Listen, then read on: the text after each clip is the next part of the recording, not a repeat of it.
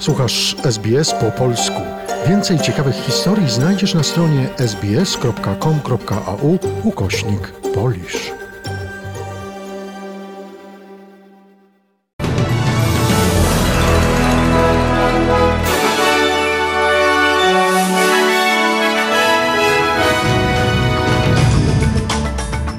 Dzień dobry, przy mikrofonie Joanna Borkowska-Surucić. Oto skrót najważniejszych doniesień w czwartek, 5 maja.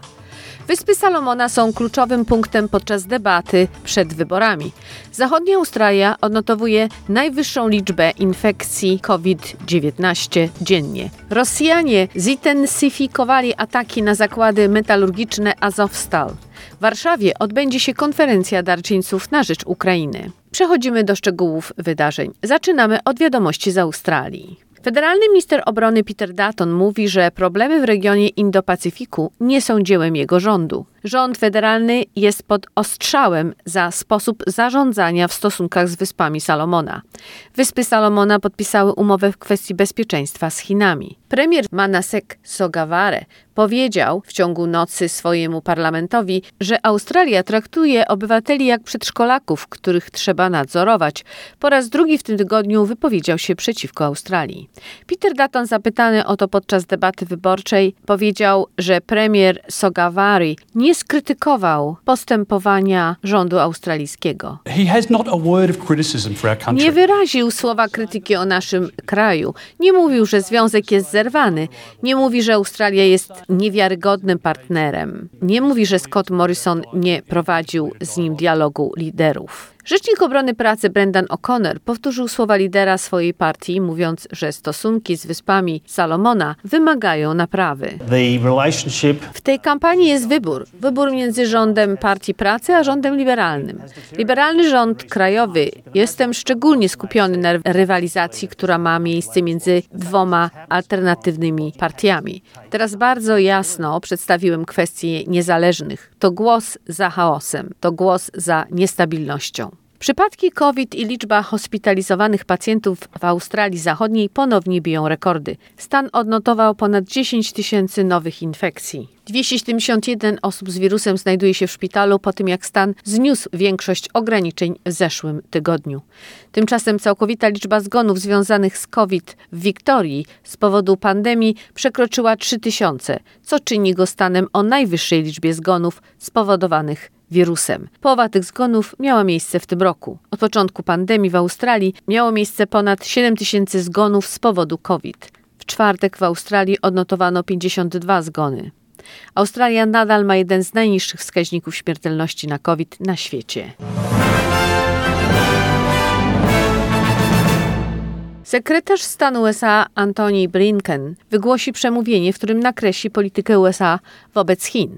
Administracja Białego Domu ogłosiła w lutym strategię dla regionu Indo-Pacyfiku, której zobowiązała się do zaangażowania większych środków dyplomatycznych i związanych z bezpieczeństwem w tym regionie. Mają one przeciwdziałać ambicjom Chin do stworzenia regionalnej strefy wpływów. Rosjanie zidentyfikowali ataki na zakłady metalurgiczne Azovstal w Maripolu, poinformował mer miasta Wadym Bojczenko. Fabryki, która jest ostatnim punktem ukraińskiego oporu Mariupolu, od kilkudziesięciu dni broni kilka tysięcy ukraińskich wojskowych. W piwnicach zakładów chroni się też kilkuset cywilów. Jak zaznaczył Wadyn Bojczenko, dziś odbywają się ciężkie walki na terytorium Azowstali. Wczoraj do Zaporoża dotarło 150 cywilów ewakuowanych z zakładów Azowstal. Było to możliwe dzięki akcji ewakuacyjnej, w którą włączyła się ONZ i Czerwony Krzyż. Na terenie fabryki, jak zaznacza Wadyn Bojczenko, wciąż jednak znajduje się kilkuset cywilów, którzy nie mogą być ewakuowani z powodu ostrzałów Rosjan. Jak podkreślił, są to osoby, które schroniły się dwa miesiące temu i czekają na ratunek. Wśród nich, jak zaznaczył, jest ponad 30 dzieci, które czekają na to, że rozpocznie się nowa procedura ewakuacyjna i nowa ewakuacyjna misja. Niemal 7 tysięcy miejsc do obsadzenia w 200 kręgach. W Wielkiej Brytanii dziś wybory lokalne.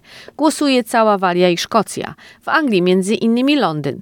Politycy i eksperci uważają te wybory za barometr nastrojów społecznych, istotny dla rozstrzygnięcia dalszych losów premiera Johnsona, którego popularność spadła. Sondaże i prognozy wskazują raczej na zyski dla lewicy. Według serwisu Britain Alex laburzyści mogliby liczyć na około 150 dodatkowych miejsc, a konserwatyści liczyć by się musieli ze stratą około 200.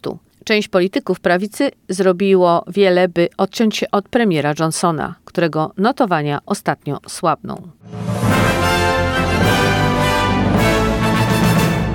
W Warszawie odbędzie się konferencja darczyńców na rzecz Ukrainy. To wspólna inicjatywa premiera Mateusza Morawieckiego oraz premier Szwecji Magdaleny Andersson, a także przewodniczących Komisji Europejskiej i Rady Europejskiej.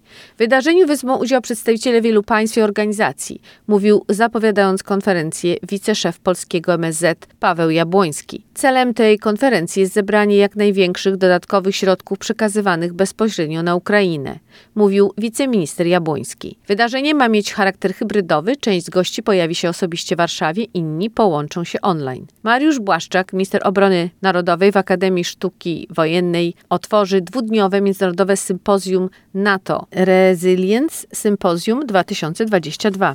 Forum będzie poświęcone aktualnym wyzwaniom i zagrożeniom dla bezpieczeństwa międzynarodowego. W 203. rocznicę urodzin Stanisława Moniuszki artyści Polskiej Opery Królewskiej zapraszają na koncert, podczas którego zabrzmią najpiękniejsze utwory lokalne tego wybitnego kompozytora. Podczas koncertu wystąpią Olga Pasiecznik-sopran, Monika Lezion-Porczyńska mezzo-sopran i Wojciech Gierlach-bass. Śpiewakom będzie akompaniował na fortepianie Krzysztof Trzaskowski. I jeszcze wiadomość walutowa. Według ostatnich notowań dolar australijski można wymienić na 72 centy amerykańskie i 3 zł i 18 groszy. Skrót najważniejszych doniesień przygotowała i czytała Joanna Borkowska-Surucić.